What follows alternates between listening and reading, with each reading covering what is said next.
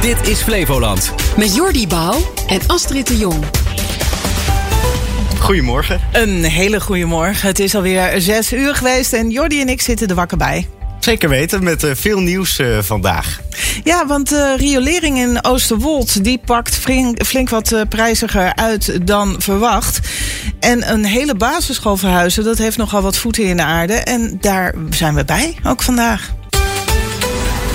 Het bedrag om bewoners van Oosterwold te compenseren voor hun eigen aangelegde waterzuivering is drie keer zoveel als de gemeente Almere eigenlijk had begroot. Dat zeggen ze zelf, na ook eigen onderzoek. In plaats van 6 miljoen euro komen ze nu uit op 18 miljoen euro. De gemeente moet vanwege de zorgplicht toch een collectieve riolering aanleggen, terwijl bij het ontwerpen van de wijk ervan uit werd gegaan dat de bewoners dat zelf zouden doen. Bewoner Marien Abspoel van Oosterwold over de veel hogere kosten. Bureau Touw, die, die voor ons de onderzoek heeft gedaan, die heeft veel preciezer gekeken naar allerlei details die er komen kijken bij individuele kavels. Uh, eigenlijk heeft de gemeente ook geconstateerd dat er maatwerk nodig is bij, bij alle kavels. En die laten zien dat je gewoon hoger uitkomt. Omdat het maatwerk bijna altijd uh, meer werk is. Dus de gemeente heeft eigenlijk te grof uh, gerekend? Te, een beetje met losse pols. En ze zijn eigenlijk ook niet in Oosterwold geweest. Dus ik denk dat ze ook wat kennis tekort komen om een, uh, specifiek uh, te zijn in hun kostenberekening. Het leek een mooi idee. Bewoners die in de wijk Oosterwold hun eigen huis bouwen met elk een eigen waterzuiveringssysteem. In 2016 kwamen de eerste woningen. In 2022 pas bleek dat de gemeente dit nooit op deze manier had mogen regelen. Wethouder Julius Lindenberg. De riolering in Oosterwold is absoluut een hoofdpijndossier voor de gemeente Almere. En we zijn nu heel hard bezig om de fout uit het verleden recht te zetten. Op een manier die voor de bewoners goed is, maar die ook voor de rest van de stad goed is. En dat is best wel lastig. Als compensatie voor de gemaakte kosten voor de individuele zuiveringsinstallaties van het afvalwater heeft de gemeente nu 6 miljoen euro uitgetrokken. Veel minder dan de 18 miljoen euro waar de bewoners van Oosterwold nu zelf mee komen. En wij denken dat we goed kunnen verklaren waarom de schatting van de bewoners van het bureau wat ze hebben te hoog is.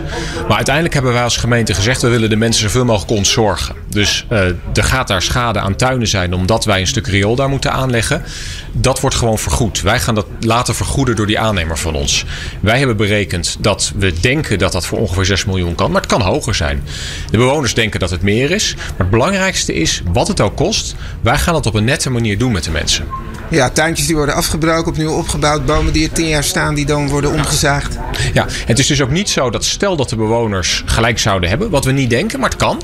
En dat het toch meer is, dan is het niet zo dat wij zeggen: de pot is leeg, 6 miljoen. Dan gaan wij terug naar de gemeenteraad om te zeggen: het kost meer om het netjes op te lossen. Maar daar gaan we op dit moment niet van uit.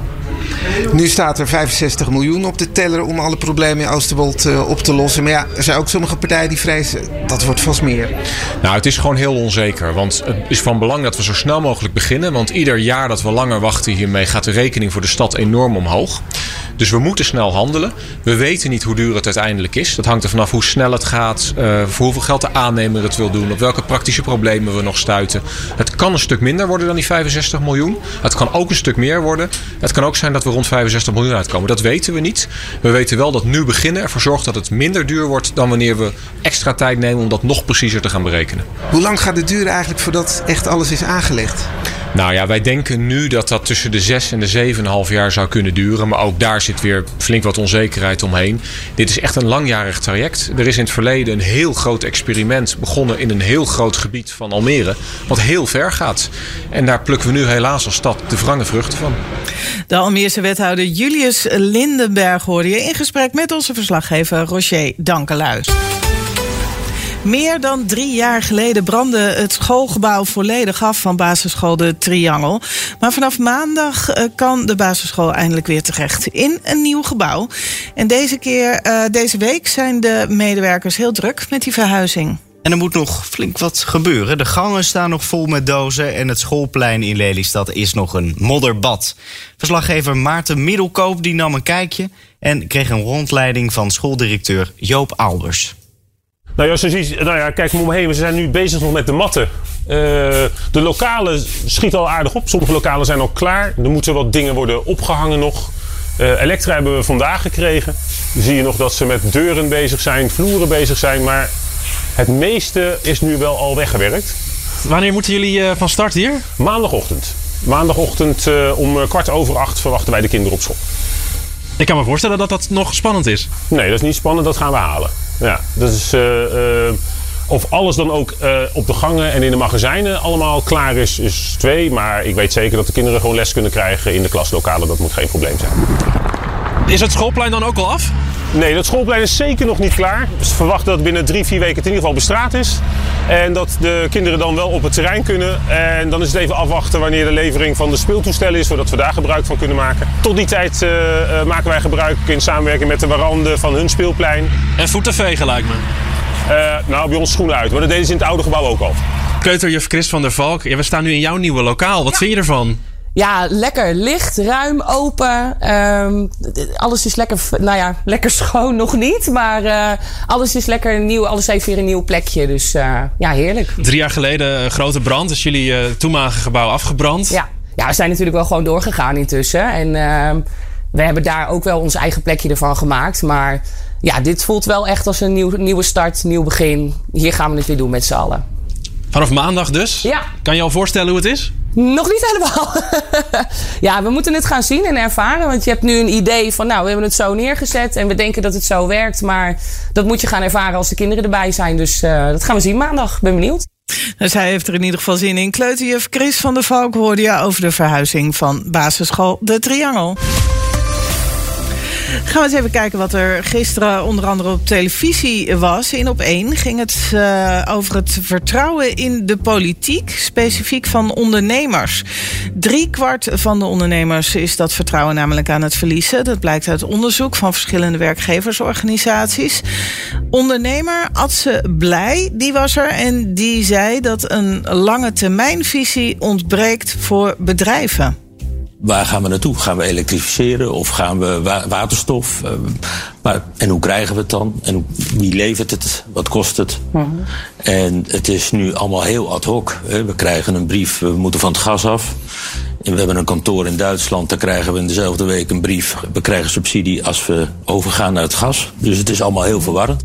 En de voorzitter van MKB Nederland, Jacco Vonhoff, had een aantal punten die de overheid kan inzetten om dan dat vertrouwen weer terug te winnen. Als je doelen stelt, geef ondernemers de ruimte om ze te halen. Er zit bij ondernemers 95, 98 procent van alle ondernemers wil het goede doen. Geef ze de ruimte. Tweede is wees voorspelbaar. Dus als je met elkaar doelen stelt, probeer ze niet iedere keer bij te stellen omdat uh, uit een spreadsheet komt dat het net niet lukt. Ja. En vereenvoudig. De regeldruk in Nederland is zo hoog en onze systemen zijn zo complex geworden dat de ondernemers er gewoon geen kant meer op kunnen. Als je in Nederland als je niet werkt, wilt gaan werken, maar je gaat erop achteruit, heb je een systeem gebouwd dat gewoon falikant mislukt is. Van de televisie gaan we naar de radio. In Met het oog op morgen werd kunstmatige intelligentie besproken. De eerste AI-top in Engeland eindigde gisteren zonder afspraken, maar met een ondertekende verklaring door landen als de VS, Groot-Brittannië, China en Nederland. Daarin staat dat kunstmatige intelligentie de mensheid moet dienen en betrouwbaar, verantwoord en veilig moet zijn.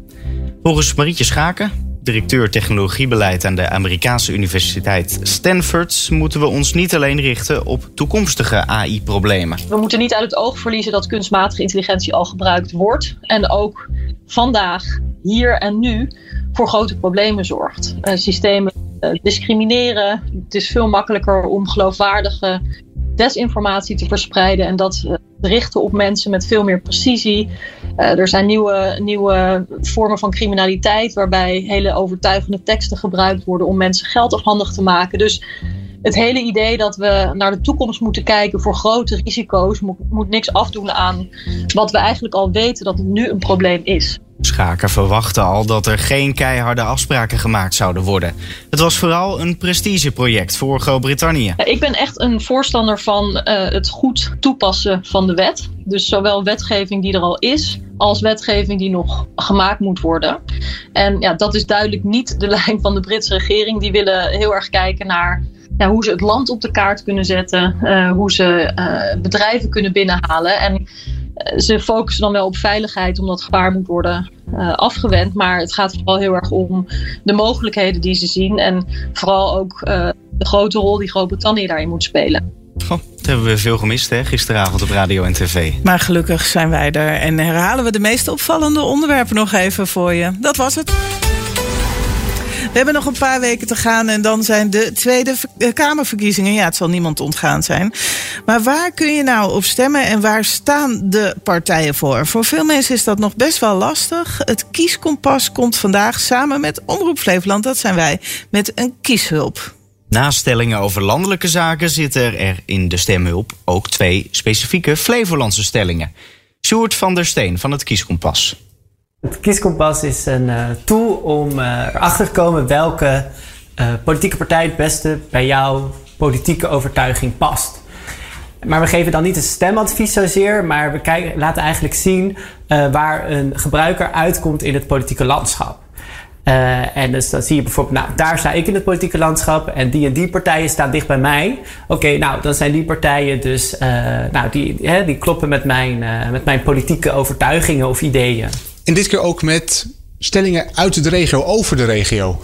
Klopt, inderdaad. We hebben met de provinciale staatsverkiezingen, nou ja, dit jaar nog, hebben we, um, hebben we samengewerkt met de Omroep Flevoland. En dat doen we nu ook weer voor de nationale verkiezingen. En dat betekent dat we uh, twee stellingen hebben die uh, meer op de regio gefocust zijn, op, uh, op, de, op de provincie Flevoland. Maar natuurlijk ook dat de nationale thema's migratie, duurzaamheid, wonen aan bod komen. En hoe komen jullie dan aan die vragen? Wat is dan echt een specifiek iets dan voor Flevoland? Nou ja, bijvoorbeeld uh, Flevoland Airport. Of nee, Lelystad Airport. Lelystad Airport. Uh, nou, daar zaten een uh, vraag over in. Maar ook de Lelylijn. ik weet niet of dat iedereen bekend is, maar dat zijn plannen om, om Lelystad te verbinden met het noorden van Nederland, onder andere Groningen.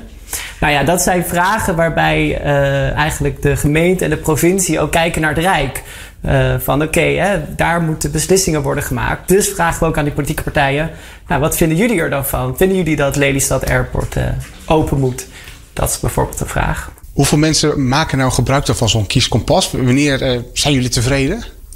Nou ja, uh, we zijn natuurlijk tevreden met zoveel mogelijk uh, gebruikers. Maar in uh, de vorige verkiezingen hebben wel miljoenen mensen gebruik gemaakt van Kieskompas. En daar gaan we nu eigenlijk ook wel weer vanuit. Sjoerd van der Steen was dat van het Kieskompas. En dan de berichten van buiten Flevoland. Ja, de Amerikaanse minister Blinken komt vandaag voor de derde keer in een maand naar Israël. Hij zal, naar verwachting, bij premier Netanyahu pleiten voor een humanitaire gevechtspauze. Vlak voor zijn vertrek zei Blinken dat er veel meer moet worden gedaan om de burgers in Gaza te beschermen. We've seen in recent days Palestinian civilians continue to bear the brunt of this uh, this action uh, and it's important that the United States is committed to making sure everything possible is done to protect civilians. Gisteren zei premier Netanyahu juist dat de strijd nu op het hoogtepunt is. Het Israëlische leger zou Gaza-stad volledig hebben omsingeld. En gisteravond waren er explosies te horen. Maar wat er vannacht is gebeurd is op dit moment nog onduidelijk. Voor het eerst sinds augustus wist Ajax gisteravond weer eens te winnen. In de eerste wedstrijd onder de nieuwe trainer John van Schip werd met 2-0 gewonnen van Volendam. Ajax verlaat door de zegen de laatste plaats en staat nu 15e in de eredivisie. Al met al een prettig debuut dus voor Van Schip, die dan ook tevreden was over de prestatie van zijn team. Als je dan ook ziet dat er gewoon hele goede gedeeltes tussen zijn, uh, dat er op een uh, manier wordt gevoetbald wat we ook ja, wel een beetje hebben aangegeven van wat, wat meer zekerheid, wat meer duidelijkheid, uh, waar ze zich een beetje houvast hebben. En ja, dan, dan is dat iets waar je op verder kan bouwen. Ja. Zondag dan speelt Ajax thuis tegen Herenveen en dan gaan we zien of ze die die winnende goals nog steeds kunnen maken. En burgemeester Mikkers van Den Bosch heeft zijn excuses aangeboden. Hij deed dat na zijn uitspraak over Marokkanen. Die uitspraak die deed hij tijdens een bijeenkomst over de opvang van asielzoekers in de gemeente. De uitspraak was niet zo bedoeld, zegt Mikkers. Het is de heftigheid van zo'n uh, van zo'n dag, uh, waarin uh, gesproken werd over bevolkingsgroepen. In dit geval ging het over de Syrische bevolkingsgroep. daarvan heb ik aangegeven dat, dat het grootste risico lag rondom veilige landers met een specifieke doelgroep. Maar daar gaat het eigenlijk niet om. Waar het om gaat is dat, we, dat ik mijn taak is om juist mensen bij elkaar te brengen en niet te verwijderen van elkaar. Ja, en dus heeft Mikkers inmiddels gesprekken gevoerd met vertegenwoordigers van zowel de Marokkaanse als de Syrische gemeenschap in Den Bosch. En dat was het nieuws van buiten Flevoland.